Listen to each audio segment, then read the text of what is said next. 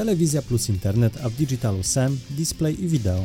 To są rozwiązania, na które w marketingu przeznaczamy największą część naszych budżetów, bo są bezpieczne i efektywne. Ale czy zawsze? Czy może właśnie odwaga i kreatywność w podejściu do planowania mediów, a nie podążanie tymi samymi utartymi, sprawdzonymi ścieżkami jest czymś, co pozwoli nam się wyróżnić i osiągnąć zakładane wyniki? O tym porozmawiamy dziś z naszym gościem. Zapraszamy.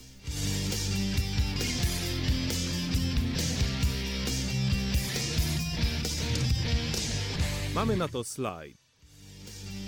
Cześć, słuchasz podcastu agencji Golden Submarine, pierwszego w Polsce o strategii marketingowej prowadzonego przez duet strategów. Trendy, analizy, kulisy planowania kampanii reklamowych. Na te i inne tematy dyskutujemy razem lub z zaproszonymi gośćmi. Sporo case'ów, ale i dystansu do branży. Zapraszają Marta Ulman i Kuba Kwaczyński. Zgodnie z zapowiedzią, naszym dzisiejszym gościem jest Norbert Kałużny. Cześć Norbercie, miło nam, że przyjąłeś zaproszenie do naszego podcastu. Cześć, bardzo miło mi gościć w waszym podcaście. I teraz, żeby y, stało się formalności y, zadość parę słów o, o Norbercie.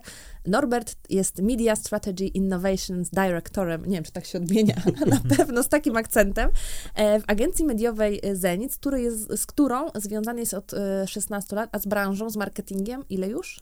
Już ponad 20 no to y, spore, spore doświadczenie i sporo wiedzy, i, y, o którą będziemy dzisiaj prosić, żeby się z nami y, podzielił. Natomiast Norbert w agencji odpowiedzialny jest za tworzenie strategii komunikacji, promowanie i utrzymanie standardów planowania, jak również rozwój oferty i unikalnych kompetencji agencji. E, przez ostatnie dwa lata związany był także z Game Labem, czyli taką wyspecjalizowaną w ramach waszej grupy komórką gamingową, realizującą projekty dla wszystkich klientów Publicis Group w Polsce.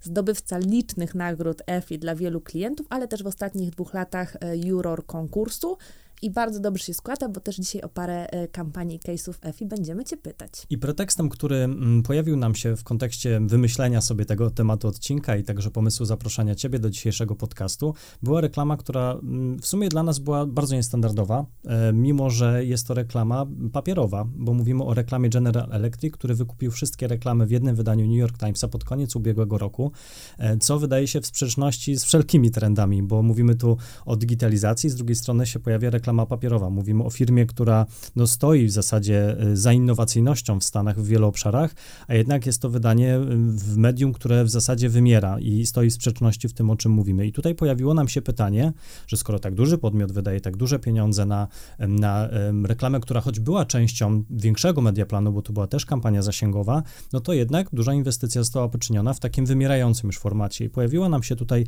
taka teza, czy nie jest też tak, że bardziej niż kiedykolwiek jest istotna kreatywność w tworzeniu mediów, w mediaplanach, w schematach kampanii, coś, co widzimy, że na wielu polach zaczyna być trochę bardziej powtarzalne i schematyczne, że coś, jeżeli robimy w, pod, pod prąd lub w innym kierunku, może być tutaj przewagą konkurencyjną marki, czy też całej kampanii. Tu chyba dochodzimy do tego w zasadzie tezy, ale też um, czegoś, co będziemy rozwijali w kolejnych punktach jakby naszego, naszego wywiadu, naszej rozmowy, jak bardzo właśnie ta kreatywność jakby stanowi tą przewagę y, w porównaniu do podejścia takiego schematycznego, bo oczywiście my z perspektywy laików, osób, które nie tworzą tych mediów, nie planują mediaplanów, widzimy, że bardzo łatwo tutaj o pewien schemat, tak, bo, bo widzimy to w szczególności przy okazji nagród, przeglądania case studies, gdzie rozmawiamy na nie na takich zniuansowanych mediaplanach, tylko na takich bardzo ogólnych, że to mo można bardzo łatwo być posądzonym o podejście schematyczne. Ja chciałam powiedzieć, że szczególnie w kontekście case studies i nagród efektywnościowych, nie?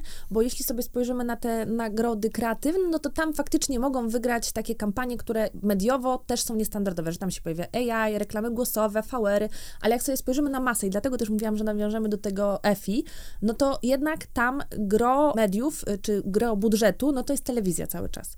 I o tym też będziemy chcieli y, z Tobą właśnie porozmawiać, bo jak sobie analizujemy te duże kampanie, to widać pewien schemat. I nawet jak sobie spojrzymy na wydatki reklamowe, o czym też za chwilę y, porozmawiam, jak ten tort wygląda, no to jednak idziemy w takie bezpieczne rozwiązania rozwiązania. Z czego to wynika? Pytanie, czy one są bezpieczne? Dlaczego one są bezpieczne? One są bezpieczne, bo działają. Z jednej strony najczęściej współpracujemy z dużymi reklamodawcami, którzy mówią do dużych grup konsumenckich i w związku z tym potrzebują mediów, które docierają efektywnie do dużych grup konsumenckich. Jak sobie popatrzymy na to, co faktycznie dociera do dużych grup konsumenckich, to jest na przykład telewizja. Nam w Warszawie tutaj może się wydawać, że... Nikt już nie ogląda telewizji. Tak, nie- to jest coś, co można zawsze powiedzieć na imprezie i nikt się z tym nie, nie będzie polemizował. Ja nie mam telewizji, albo ja już nie oglądam telewizji, a ja tu mówię, oko mi tu jedzie, tak, bo masz VOD, albo właśnie wiele osób tak mówi, a tak naprawdę nie wiedzą, że stanowią nadal mniejszość mimo wszystko w skali całej populacji. Nawet jeżeli tak. Jeżeli popatrzymy sobie na y, twarde dane, y, telewizję publiczną ogląda trzy razy więcej ludzi niż Netflixa. Y, Mówimy tylko i wyłącznie o telewizji Mhm. publicznej, która wydawałoby się, że już nie żyje, umiera, nikt tego nie ogląda, wstyd to oglądać, trzy, ma, ma trzy razy większą widownię. Jeżeli popatrzymy sobie na największą stację radiową, nie będę tutaj uprawiał y, kryptoreklamy, Mhm. największa stacja radiowa ma więcej słuchaczy niż widzów y, Netflix i tak dalej, i tak dalej. Więc te media tradycyjne cały czas jednak gromadzą bardzo dużą widownię. Jednocześnie Polska jest, jeżeli chodzi o media masowe, zwłaszcza telewizję, krajem, który ma niskie ceny. I to Mhm. trzeba sobie powiedzieć wprost, więc jeżeli chcemy policzyć sobie zwrot z inwestycji ROI, to siłą rzeczy on Mhm. będzie najniższy w telewizji. On będzie bardzo niski w radiu, będzie bardzo niski, y, bardzo niski w telewizji. Czyli tak naprawdę widzimy, że to co, to, co jest wynikową, czyli gotowy mediaplan, który nam się może czasami wydawać y, dosyć schematyczno, nie wynika z lenistwa, z wygody, tylko po prostu z takiej optymalizacji, która jest najbardziej korzystna dla klienta, a to, że często ona się okazuje być w pewien stopniu podobna do tego, co być może robi kategoria, czy też to, co było historycznie robione przez markę, no to jest jakby już kwestia jakby wtórna, bo tutaj chodzi tak naprawdę o sukces i powodzenie tej konkretnej kampanii, a to, czy ten mm, plan y, jakby odzwierciedla właśnie to, że, że y, komunikujemy się głównie do szerokich grup odbiorców, wobec czego ta telewizja i wideo będą zabierały największą część ciastka, to jest jakby tego y, konsekwencja. No to pojawia się też przestrzeń na eksperymentowanie, bo skoro wiemy, że jest pewien schemat, który gwarantuje nam powiedzmy sobie 80% sukcesu, to zawsze można spróbować to trochę podkręcić tymi działaniami kreatywnymi na wielu różnych polach, bo my zawsze mówimy kreatywność z perspektywy kreacji tego, co już jest w obrazku, ale dzisiaj podejdziemy do tego bardziej mediowo. I tu chcieliśmy porozmawiać o tej odwadze i kreatywności. Wyróżniliśmy sobie takie trzy elementy i trzy obszary, o których chcielibyśmy pogadać. I pierwszym jest odwaga na poziomie myślenia o customer journey, czy o y, funnelu, czy o tych etapach, które mamy, świadomość, rozważanie, y, zakup. I tu też takim impulsem do, y, do tego pytania y, i do tej rozmowy jest decyzja Airbnb. E, Wydaje mi się, że z roku 2022, ale czas pędzi, więc y, y, przepraszam, jeśli się, jeśli się mylę, jeśli to się wydarzyło wcześniej. Natomiast oni ogłosili, że będą ograniczać wydatki na e, marketing performance, e, a są jakby, nie patrzeć, e-commerce, marketplace'em, więc jakby ten ruch, ściąganie ruchu na stronę jest kluczowym e, jakby dla nich działaniem takim, który się przykłada na, na biznes, na sprzedaż tych miejsc noclegowych. I oni powiedzieli, że właśnie będą celować i że gro tego budżetu przesuną na te działania e, długoterminowe, które mają budować markę w długiej perspektywie czasu. I oczywiście są różne jakby rekomendacje, jak tym budżetem e, na te działania krótkoterminowe, performance'owe versus te działania długoterminowe budujące markę zarządzać. Natomiast oni te proporcje jeszcze zaburzyli, jakby, że jeszcze więcej e, tych, tych budżetów przeznaczyli na te działania brand buildingowe. E, No i efekt jest taki, że oni jakby deklarują znaczący wzrost przychodów i chcą kontynuować tą strategię. Natomiast no, była to taka wywrotowa decyzja, jeśli sobie spojrzymy w ogóle na tą kategorię, e, bo wszyscy, czy większość marek działa, działa zupełnie inaczej. I powiedz mi proszę, czy to jest właśnie to pierwsze miejsce, gdzie my możemy tą odwagą e, w planowaniu mediów, czy w ogóle w podejściu do, do, do mediów, czy do naszych działań się wykazać? Zdecydowanie wygląda to na y, odważny ruch. Co do zasady, powinniśmy myśleć o planowaniu komunikacji w kontekście wszystkich etapów ścieżki zakupowej i zapewnić konsumentom spójne doświadczenie na każdym kroku, tak? Czyli zaczynając od początkowej fazy, od fazy świadomościowej, poprzez fazę rozważania, poprzez fazę zakupową, powinniśmy być z tym konsumentem, wykorzystywać wszystkie dostępne narzędzia i w spójny sposób doprowadzić do, do sprzedaży. Z drugiej strony prawda jest taka, że działania tak zwane upper funnelowe, czyli te otwierające ścieżkę zakupową, wszelkiego typu działania zasięgowe, świadomościowe, udrażniają ten lejek, sprawiają, że konsumenci szybciej konwertują, szybciej poznają markę, szybciej podejmują decyzje zakupowe i szybciej podejmują sprzedaż. Biorąc pod uwagę fakt, że Airbnb nie jest nową marką i prawdopodobnie ma zabezpieczone takie rzeczy jak pozycja w wyszukiwarce, y, może sobie pozwolić na taki eksperyment. Z drugiej strony jest to bardzo mądra decyzja strategiczna, ponieważ wiemy, że inwestycja w reklamę przynosi krótkoterminowe efekty sprzedażowe i reklama odpowiada za kilkanaście procent sprzedaży, ale dużo ważniejszą rolą, o której się dosyć często zapomina w przypadku reklamy, jest budowanie brand equity, jest budowanie bazy sprzedażowej. Czyli inwestując w budowanie wizerunku marki, Airbnb zapewnia sobie to, że ich pozycja rynkowa będzie coraz silniejsza, będzie dużo odporniejsza na kryzysy. Wiemy to, że w czasach kryzysu konsumenci robią paradoksalnie dwie rzeczy. Zwiększa się sprzedaż lidera kategorii e, i taniego longtaila. Czyli widzimy tak naprawdę, że Airbnb e, no, wykazało się pewnego rodzaju odwagą, więc będziemy obserwować ten ruch, na ile nam się pojawi w naszych top of mind i w naszych umysłach określenie Airbnb, a nie Booking.com, kiedy będziemy szukać e, kolejnego miejsca na wakacje. Także możemy przejść dalej do kolejnego kolejnego elementu czy kolejnego obszaru, gdzie możemy szukać tej odwagi, już nie na poziomie wybrania, na którym etapie chcemy włączać, wyłączać komunikację, ale już bezpośrednio patrząc na mediaplan, patrząc na wybrane formaty, jakie się podejmujemy częściowo, już o tym Norbert powiedziałeś w kontekście telewizji, która z jakichś powodów często no, dominuje w mediaplanach, bo często też gwarantuje nam duży zasięg, e, ale właśnie chcielibyśmy o tym nieco szerzej porozmawiać jak bardzo właśnie ta różnorodność w mediaplanach i dobór różnych kanałów komunikacji, czasami tych niszowych, może być też e, jakąś przewagą dla, dla reklamodawcy i może, może też być szansą na to, że ta nasza kreacja będzie po prostu bardziej zauważona, bo pojawiamy się gdzieś, gdzie na przykład naszych konkurentów nie ma. My sobie też patrzymy na te wydatki e, reklamowe i to też są dane e, Publicis Group, więc jakby od ciebie osobiście. Natomiast nawet jak sobie spojrzymy na internet, bo jak myślę sobie o poziomie jakby rozwiązań, możliwości, touchpointów, formatów, które są dostępne w internecie, no to w zasadzie tam liczby są ogromne i w zasadzie pojawiają się cały czas nowe rozwiązania. Ale jak sobie spojrzymy na te wydatki już pod kątem internetu, no to 90 parę procent y, hajsu idzie w SEM Display Video, czyli w takie, y, powiedziałabym, bardzo y, podstawowe rozwiązania. Myślę, że na te eksperymenty, o których wspominaliśmy, czyli, nie wiem, jakieś AI, VR-y, niestandardowe różne formaty, jeszcze, jeszcze mniej. I pytanie, skąd też to i czy te, nawet ten digital jakby nie korci, yy, czy to cały czas jakby idziemy, myślimy o tej efektywności, o której też mówię, że to są bezpieczne rozwiązania, bo są po prostu sprawdzone i efektywne. I czy my też jesteśmy trochę skazani na ten E, zestaw, e, wiesz, 30 w telewizji i potem e, do tego digital, no bo też sobie z Kubą o tym rozmawialiśmy, że nawet, wiesz, jak czytamy te wszystkie raporty z YouTube'a, z Mety, to oni też udowodniają, no i na przykład ich touchpoint dobudowuje zasięg inkrementalny do TV, nie?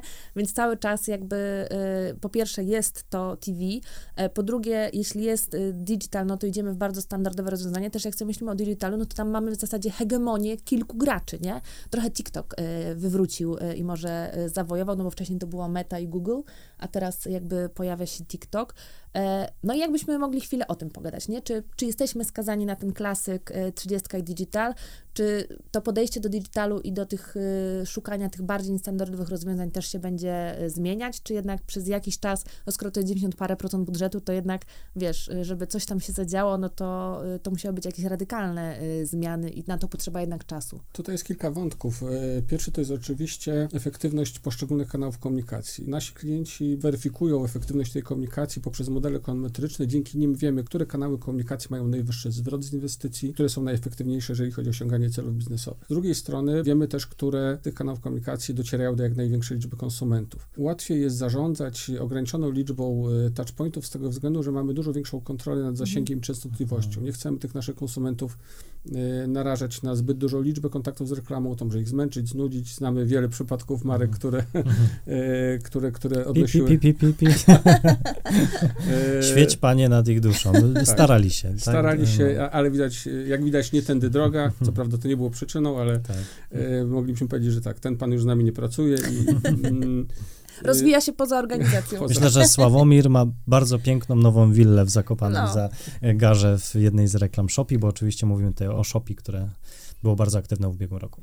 No i wydaje się, tak jak słuchamy sobie y, czy konsumentów, czy, czy, czy, znajomych, że nie była ta najlepsza droga do budowania pozytywnego doświadczenia konsumenckiego, więc zarządzanie częstotliwością jest jakimś bardzo ważnym wątkiem y, w planowaniu mediów. Pewne narzędzia, pewne pewne rozwiązania pozwalają nam mieć większą kontrolę nad, y, nad tą częstotliwością niż inne. Tak, duża liczba touchpointów jest pewnym utrudnieniem. Jeżeli, jeżeli wejdziemy do dwóch, trzech ekosystemów, y, ta kontrola nad częstotliwością i jakością kontaktów naszą marką jest dużo, dużo większa. To też jest pewnie y, związane z ogólno taką branżową dyskusją na temat pomiarów jednoźródłowych, tak, że, że chcemy mieć też kontrolę nad jakby wynikami tych kampanii z jednego źródła, tak, żeby móc też te rzeczy kompilować, jeżeli chodzi o efektywność kampanii. To też ma związek jakby z tym, o czym ty mówisz, że im mniej mamy kanałów w Mediaplanie, tym łatwiej jest nam w stanie to też na przykład wyciągnąć wnioski, co działało, a co nie? Oczywiście, mhm. zdecydowanie tak.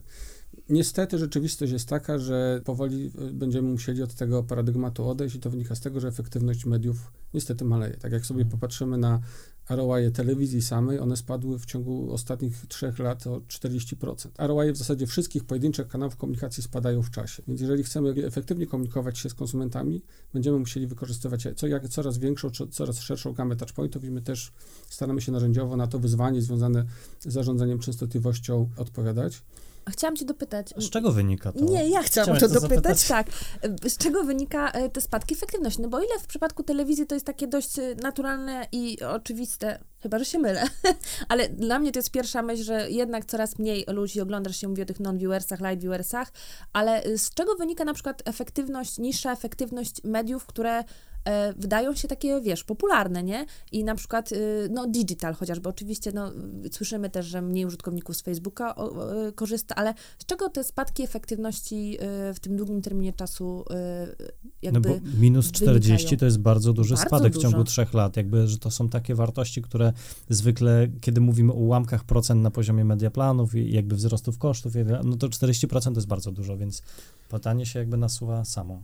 Wpływ na to mają dwie, dwie rzeczy. Oczywiście malejąca uwaga widowni. Wiemy o tym, że y, konsumenci są coraz mniej uważni. Y, ten y, malejący attention span, czyli moment skupienia. W ogóle attention economy jest jednym z, z jakichś największych wyzwań mhm. stojących aktualnie przed branżą i zarządzanie tym właśnie skupieniem tego konsumenta. Więc siłą rzeczy ta reklama przestaje być efektywna, musimy, i tutaj to nas prowadzi znowu do rozmowy o tym, e, jak bardzo kreatywni musimy być w tych no mediach, właśnie, żeby, mhm. E, żeby tą uwagę konsumenta przyciągnąć, żeby wybić się z tego szumu komunikacyjnego. E, a drugi komponent jest bardzo prozaiczny, podwyżki cen, tak. Ceny mhm. mediów rosną, w Polsce były bardzo tanie i nie bójmy się tego powiedzieć, bo w pewnym momencie ceny w Polsce, zwłaszcza telewizji, były niedorzecznie tanie. W pewnym momencie przyszedł ktoś do pewnej stacji telewizyjnej i zapytał się, jeżeli macie nadwyżkę popytu nad podażą, to dlaczego obniżacie ceny? Szerokim gestem. E, jak korepetycje z makroekonomii. E, tak, więc ktoś, ktoś w tej stacji pomyślał sobie faktycznie, być może powinniśmy podnieść ceny w tej sytuacji, no i ze szkodą dla reklamodawców i efektywności komunikacji te ceny nam rosną z roku na rok. I wydaje się, że biorąc pod uwagę to, z jakiego poziomu startowaliśmy, niestety taniej już nie będzie. Zresztą wiem, wiemy, że ceny rosną, koszty mhm. rosną, e, więc ceny komunikacji będą rosły. Więc siłą rzeczy efektywność mediów zależy od kosztów mediów. Jeżeli one rosną, to siłą rzeczy efektywność będzie, Ale wiesz, będzie spadała. To jest też ciekawe, no bo jakby rozwiązaniem na to po pierwsze może być kreatywność na poziomie komunikacji, a po drugie właśnie szukanie touchpointów, które jeszcze nie są tak albo wyeksploatowane, albo gdzie ta efektywność jest jakaś jeszcze na większym poziomie, nie? Tak, bo my tutaj rozmawiamy o tej niestandardowości, jeżeli chodzi o dobór touchpointów, tak no w bardzo futurystycznej wizji. Tutaj Marta, ty wspominałaś o AR-ze, metaversie, czyli te wszystkie nagłówki, które nam gdzieś się pojawiają na naszych LinkedInach. E, ale czasami ja się spotykam z tym na przykład bardzo często przy, przy rozmowach na temat kampanii. Dla marketera niestandardem jest reklama na Spotify'u, gdzie...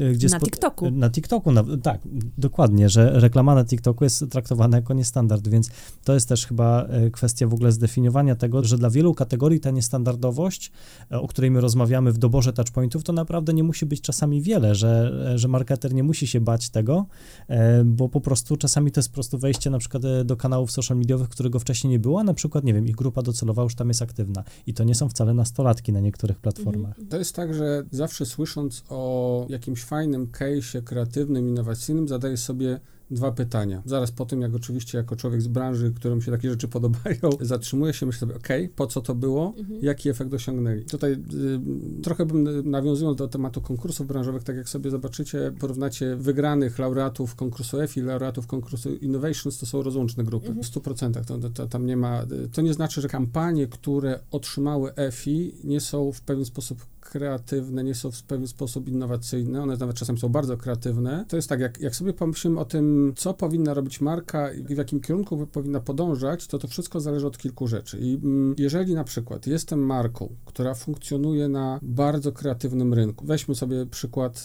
y, napojów gazowanych mhm. tak, gdzie tam się dzieje bardzo dużo. Mamy marki tak jak Pepsi, Bąbelki, mamy Sprite, mamy Red Bull, influencerzy, gaming. Y, Monster y Energy Drink. więc mamy tak, więc mamy mnóstwo touchpointów, mamy mnóstwo fantastycznego kontentu y, tworzonego globalnie, mamy, y, mamy wielkie nazwiska, mamy celebrytów, więc tam się dzieje naprawdę dużo i ciężko jest tak naprawdę siebie przebić, tak, bo już w zasadzie wszystko było wymyślone, wszystko było zrobione, eventy, tego jest mnóstwo. To wtedy biorą y, tego Baumgartnera, który skacze ze stratosfery, nie? Albo Kubę Wojewódzkiego i działają z oranżadą. A, tak. nie, oranżada, oranżada to W takiej kategorii zrobienie, y, mówiąc kolokwialnie, AR-u w zasadzie mhm. na nikim nie zrobi wrażenia, tak, bo mhm. tutaj te, tego nie przeskoczymy. Więc jeżeli jesteśmy marką, która działa w takim środowisku, w takim otoczeniu, w takiej kategorii i mamy sami mnóstwo kontentu, to to, co możemy zrobić, to szeroko dystrybuować ten kontent, czyli my musimy zbudować skalę, musimy adaptować ten, i tutaj też jest bardzo duże pole do, do kreatywności. To jest ten moment, kiedy wykorzystujemy wszystkie możliwe dostępne kanały komunikacji, adaptujemy je, podchodzimy do każdego osobno, wykorzystujemy wykorzystujemy ich potencjał w kreatywny sposób, czyli patrzymy na komunikację, sprawdzamy w jaki sposób dane touchpoint, dane medium, dany format można wykorzystać w jeszcze bardziej kreatywny sposób, mając to, co już mamy gotowego, ale to jest taki moment, kiedy nie musimy wymyślać samego kontentu, bo tego mhm. kontentu kreatywnego, fajnego, angażującego kontentu mamy bardzo dużo, więc my w tym momencie musimy poszerzać dystrybucję, patrzymy na zasięg, na szerokość, na skalę. Szukamy, szukamy skali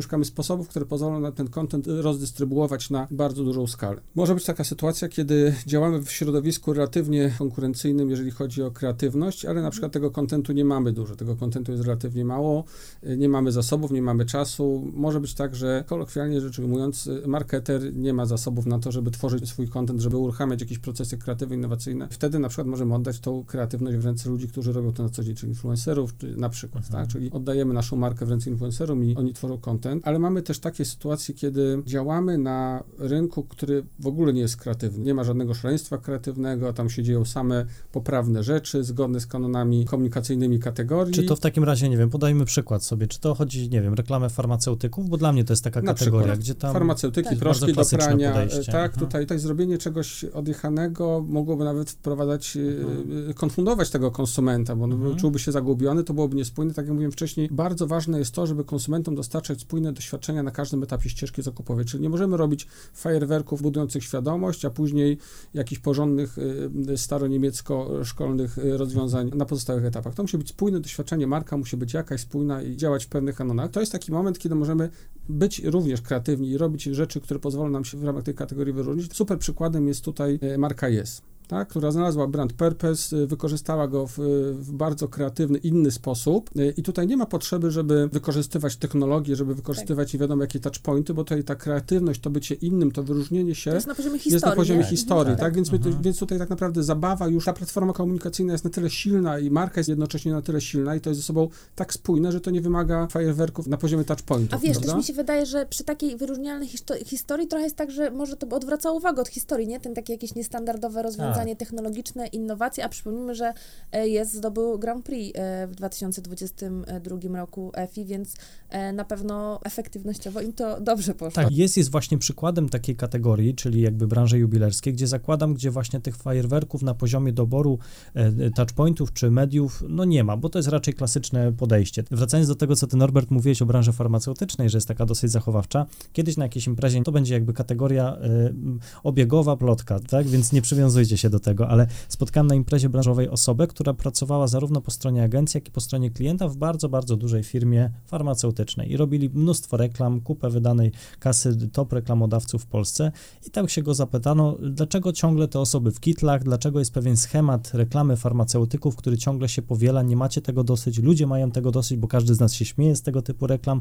On mówi, wiesz co, próbowaliśmy, na paru, na paru produktach próbowaliśmy zrobić coś innego, zmieniać schemat tej historii, eksperymentować z z, nie wiem, z wyostrzeniem insightu albo z tej odpowiedzi, żeby to faktycznie wyszło na przykład spoza tych ram kategorii farmaceutycznej i to nie działało, bo po prostu to, co ty mówiłeś właśnie wcześniej, że ludzie też potrzebują pewnego zaopiekowania się na zasadzie zrozumienia tego przekazu, y, którego schemat jakby reklamy farmaceutycznej już się przyzwyczaili, a tu na przykład, nie wiem, clown wychodzi i mówi, że reklamuje nam lek na gardło, nie?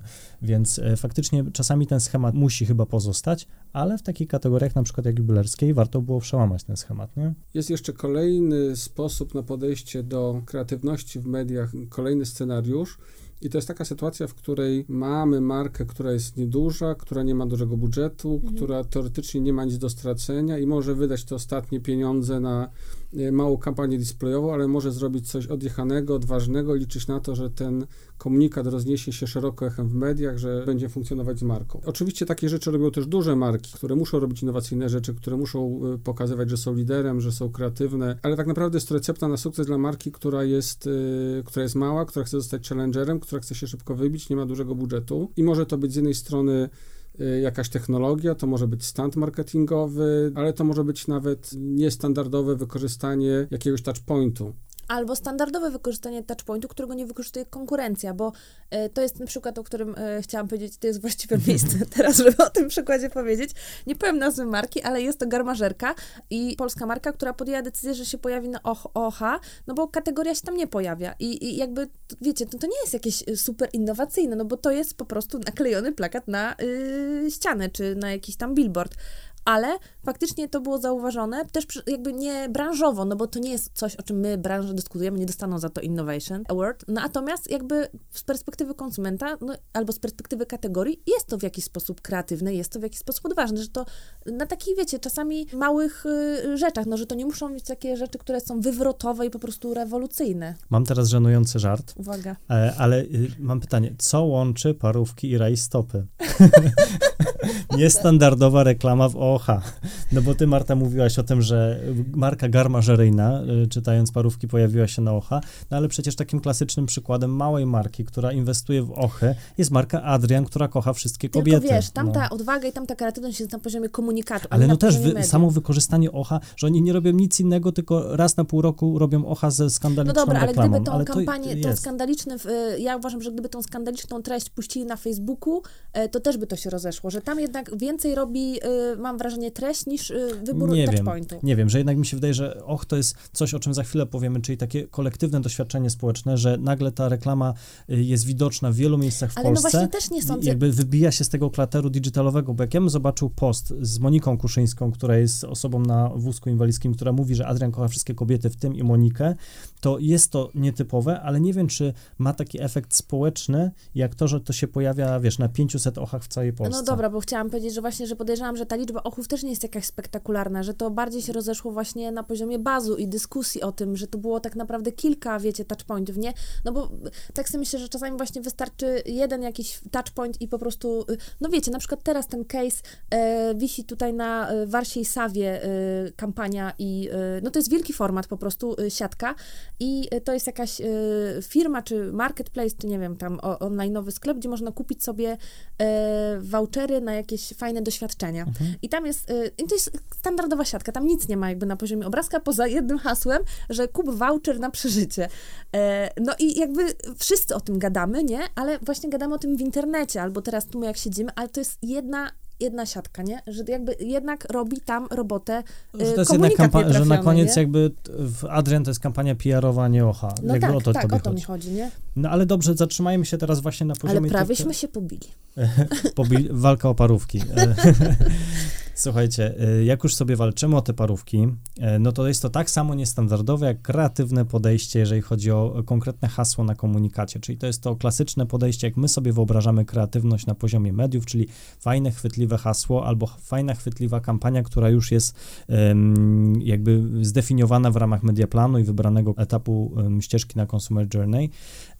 Więc chciałem się jeszcze Was zapytać, Ciebie Norbert, chcielibyśmy się zapytać, jak bardzo uważasz, że ta kreatywność na poziomie touchpointu, e, jak, jak, bardzo jest istotna, jak, jak dużo ona waży w całych tych klockach, bo trochę powiedzieliśmy, że możemy trochę robić roszady na poziomie mediaplanu, bo to może gwarantować nam pewną kreatywność, możemy wybrać albo odpuścić pewien etap na e, Consumer Journey, no i na końcu staje ten komunikat. I gdybyś mógł porównać te trzy elementy, czy te trzy podejścia, to ten kreatywny komunikat w tej reklamie telewizyjnej, parówkach OH albo rajstop na ten, ile on waży według ciebie? Jak bardzo jest istotny? Bo ja tylko chciałam powiedzieć, że wiem o co ci chodzi teraz, że wiecie, że my właśnie chodzimy na te warsztaty do y, Facebooka i tam z nimi debatujemy, czy taki y, pościg, czy taki, czy taki claim, a w sumie właśnie to się kończy potem jakimś jednym postem albo jakąś tam kampanią złożoną z kilku formatów, no ale cały czas to jest jakieś jedno medium i to jest jakiś wycinek tej kampanii, a tyle idzie w to pary, żeby to, wiecie, zaprojektować. Myślę, mhm. że w mhm. przypadku TikToka to jest jeszcze trudniejsze, bo tyle się mówi o tym, że to było natywne, że było dostosowane do platformy,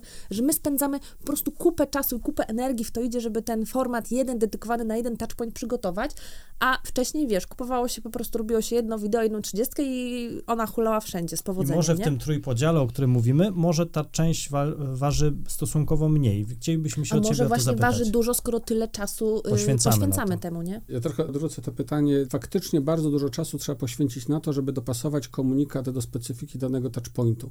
I prawdopodobnie jest to jeden z powodów, dla których marketerzy operują na relatywnie ograniczonym mhm. spektrum touchpointów, tak? Bo gdyby chcieli przygotować do mhm. każdego touchpointu komunikację by the book, wycyzelowaną, y, dopracowaną, to przygotowanie do każdej małej kampanii mhm. trwałoby latami. Więc to jest taki jakiś powód, dla którego jednak staramy się zrobić dobrze 2, 3, 4 touchpointy, a, a, a mhm. nie wrzucać to samo do pięciu, pomijając ich specyfikę. Ty, ty jakbyś tak miał powiedzieć, co jest lepsze? Czy jakby puszczenie jednego generycznego formatu w większej liczbie touchpointów, czy jednak ograniczenie tych touchpointów, w sensie już nie z perspektywy pracy marketera, którą trzeba w to włożyć, nie? Ale czy jednak mieć jeden materiał, który puszczamy szeroko w różnych touchpointach, czy jakby e, ograniczyć tą liczbę touchpointów tak, żeby ten materiał był lepiej dopasowany do nich? Ja bym powiedział jeszcze inaczej. W, w idealnym świecie powinniśmy jednak spróbować docierać e, z, w miarę spersonalizowanym komunikatem do szerokich grup odbiorców, tak? Czyli powinniśmy mm w dużej skali personalizować tą naszą komunikację, starać się identyfikować segmenty konsumenckie. I to znowu, to jest, to, to jest powód, dla którego ekosystemy Google czy ekosystemy Mety są relatywnie atrakcyjne dla reklamodawców, ponieważ one pozwalają na definiowanie szerokich, ale jednocześnie bardzo różnych grup konsumenckich i komunikowanie się z nimi za pomocą różnych przekazów, które są do nich dopasowane. Więc y, to jest duża przewaga, duża przewaga ekosystemów, co nie znaczy, że nie możemy tego robić w innych touchpointach, tylko to wymaga y, więcej pracy, to wymaga większego zaangażowania zasobów y, ludzi. To chyba jest też taki pewien znak czasów, jak bardzo ewoluują te media na podstawie tego, o czym ty powiedziałeś, bo e, chciałem jeszcze chwilę powiedzieć o moim ulubionym kajsie, którego sobie zapisałem i chciałem wam dzisiaj o nim opowiedzieć z perspektywy myślenia o medium jako o takim, czy o kampanii jako o kolektywnym społecznym przeżyciu, że to jest coś, o czym rozmawia cała Polska. E, bo jeżeli mówimy tutaj o podejściu spersonalizowanym, to trochę ta szansa na to, że nasza kampania stanie się tematem, o którym będą mówili Polacy, no zmniejsza się, tak? No bo każdy widzi trochę co innego, bo jest dopasowany pod moje potrzeby, ale jak ja pójdę do Marty i powiem, że widziałem tą reklamę z gitarą, ona mówi, ja widziałem z kotkiem i nie ma w tym momencie jakby żadnej takiej wspólnej y, dyskusji, no to też ta, te medium i te kampanie się zmieniają. Pamiętam, że jeszcze 10 czy 15 lat temu pojawiały się kampanie, o których mówiła cała Polska i pamiętam historię reklamy Primavera, która w ciągu jednego dnia wykupiła wszystkie spoty we wszystkich blokach reklamowych, gdzie to na tamte czasy to był bardzo duży wydatek, ale jeżeli on byłby rozłożony na, na całą kampanię, także przez cały miesiąc by było emitowane, to byłaby to bardzo droga kampania. Zdecydowano się na efekt tylko jednego dnia, także każdy, który włączał telewizor i widział blok reklamowy, musiał zobaczyć reklamę Primavery i cała Polska o tym mówiła. Teraz nie byłoby chyba szansy już na powtórzenie czegoś takiego, bo po pierwsze i budżety są inne i też chyba te, mm, ta ambicja do tego, żeby personalizować komunikat sprawia, że nie jesteśmy w stanie postawić wszystkiego na jedną kartę. Co wy myślicie? Wydaje mi się, że ten przykład jest jakby znakiem e, czasów i zmiany tych czasów, no bo teraz, e, czy jesteśmy w stanie wziąć sobie kampanię z ostatniego, nie wiem, roku, dwóch, trzech lat, o której dyskutowała cała Polska nie, w sensie jestem przekonana, że my... O Shopee, które wydało 137 no, milionów no, na marketing. Tak, no właśnie, nie? Pytanie, co był najlepszy przykład. No. no tak, ale że wiecie, że to, to jest też albo, że właśnie teraz musisz wydać kupę harmonię pieniędzy, nie? Że jakby y, wydaje mi się, że nie ma już takich kampanii, o których dyskutują, że jakby grupy dyskutujemy, nie? Na przykład jest, który zdobył Grand Prix. E, wydaje mi się, że y, to też jakaś tam liczba odbiorców, o której o tej komunikacji, o tym komunikacie dyskutowała, jednak jest ograniczona. Tak, myślę, że to była bańka. Ty widziałeś może zgłoszenie do EFI, więc może wiesz coś więcej. Jesanie. Jak to było? Bardziej sobie myślę o tym, że współcześni marketerzy y, osiągnęli, oczywiście przy wszystkich organizacyjnych ograniczeniach, które y, ma każda korporacja. Jednak osiągnęli bardzo dużą ubiegłość, jeżeli chodzi o wykorzystywanie kulturowo adekwatnych momentów. Oczywiście takim y, emanacją tego są RTM. Mhm. Jeżeli wydarza się coś ważnego, mało która marka może sobie pozwolić na to, żeby nie nawiązać do tego kontekstu. I, I, to jest problem, bo większość marek jest w stanie bardzo szybko zareagować na ważne rzeczy, które się dzieją i przez to to się roz, rozmywa, tak? Nikt nie jest w stanie się wybić, bo wszyscy co mówią o tym samym w tym samym, samym momencie. Ta biegłość marketerów w tym, żeby adaptować się do, do ważnych momentów, do ważnych rzeczy dziejących się w życiu społecznym, sprawia, że nikt nie jest w stanie osiągnąć y, tutaj pewnej przewagi. Jak sobie popatrzymy na komunikacje na przykład nawiązujące do, do, do pandemii, do lockdownu, tak? No tak. No, śmialiśmy się wszyscy z tego filmu, y, który był kompilacją spotów covidowych, który mhm. Wszystkie wyglądał tak samo, ale one wszystkie powstawały niezależnie od siebie, tak? Mhm. Znaczy to wyda może wydawać się śmieszne, ale z drugiej strony nikt nie osiągnął przewagi na tym polu, bo wszyscy wpadli na ten sam pomysł w tym mhm. samym momencie, zrobili to w ten sam sposób i koniec, nikt nie, nikt nie ma przewagi, tak? Więc, więc wykorzystujemy konteksty, ale coraz ciężej nam osiągnąć tą przewagę przez, właśnie ze względu na to, że jako marketerzy, my, agencje, marketerzy, osiągnęliśmy biegłość w tym, w tym, co mhm. robimy w naszym rzemiośle. Działamy bardzo szybko, bardzo efektywnie i trochę tak, trochę, trochę... Zresztą takim przykładem tego jest to, co się działo niedawno z Impostem, tak, który nagle za, ogłosił, że nie chce, żeby nazwa Paczkomat była odmieniana i, i w social mediach pojawiały się marki, które kolejno śmiały się z tego i według tego sa, samego schematu pokazały, że ich nazwy można odmieniać. Pokazuje, że tak naprawdę przy piątym RTM-ie tego typu, no to już tak naprawdę już nie pamiętam kto co zrobił, tylko pamiętam Żabkę, która jako pierwsza rozpoczęła jakby szyderę trochę z tego, a cała reszta już była tylko followersami, więc widać, że tak naprawdę bardzo trudno jest znaleźć tą przewagę. Oczywiście, moglibyśmy o mediach jeszcze mówić bardzo dużo w kontekście chociażby i kreatywności, ale też i przyszłości, bo na horyzoncie już nam tutaj e, zionie ogniem chat GPT i wszelkiego rodzaju narzędzia do automatyzacji, tworzenia mediaplanów i pewnie też rozwiązań kreatywnych. Na razie tutaj postawimy kropkę. Mamy nadzieję, że odcinek, który dla Was przygotowaliśmy, zachęci Was e, do większej odwagi i kreatywności, jeżeli chodzi o tworzenie mediaplanów, pewne decyzje biznesowe, no i też o tworzenie ciekawych komunikatów, które wybijają się z klateru kategorii, tak żeby nasza marka rosła w siłę, a naszym konsumentom żyło się dostatniej. Norbert, bardzo Tobie dziękujemy za ciekawą, merytoryczną rozmowę e, i do usłyszenia, do zobaczenia. Czekajcie na slajd, w którym podsumujemy wszystko to, o czym mówiliśmy i słyszymy się następnym razem. Pa! Cześć! Cześć!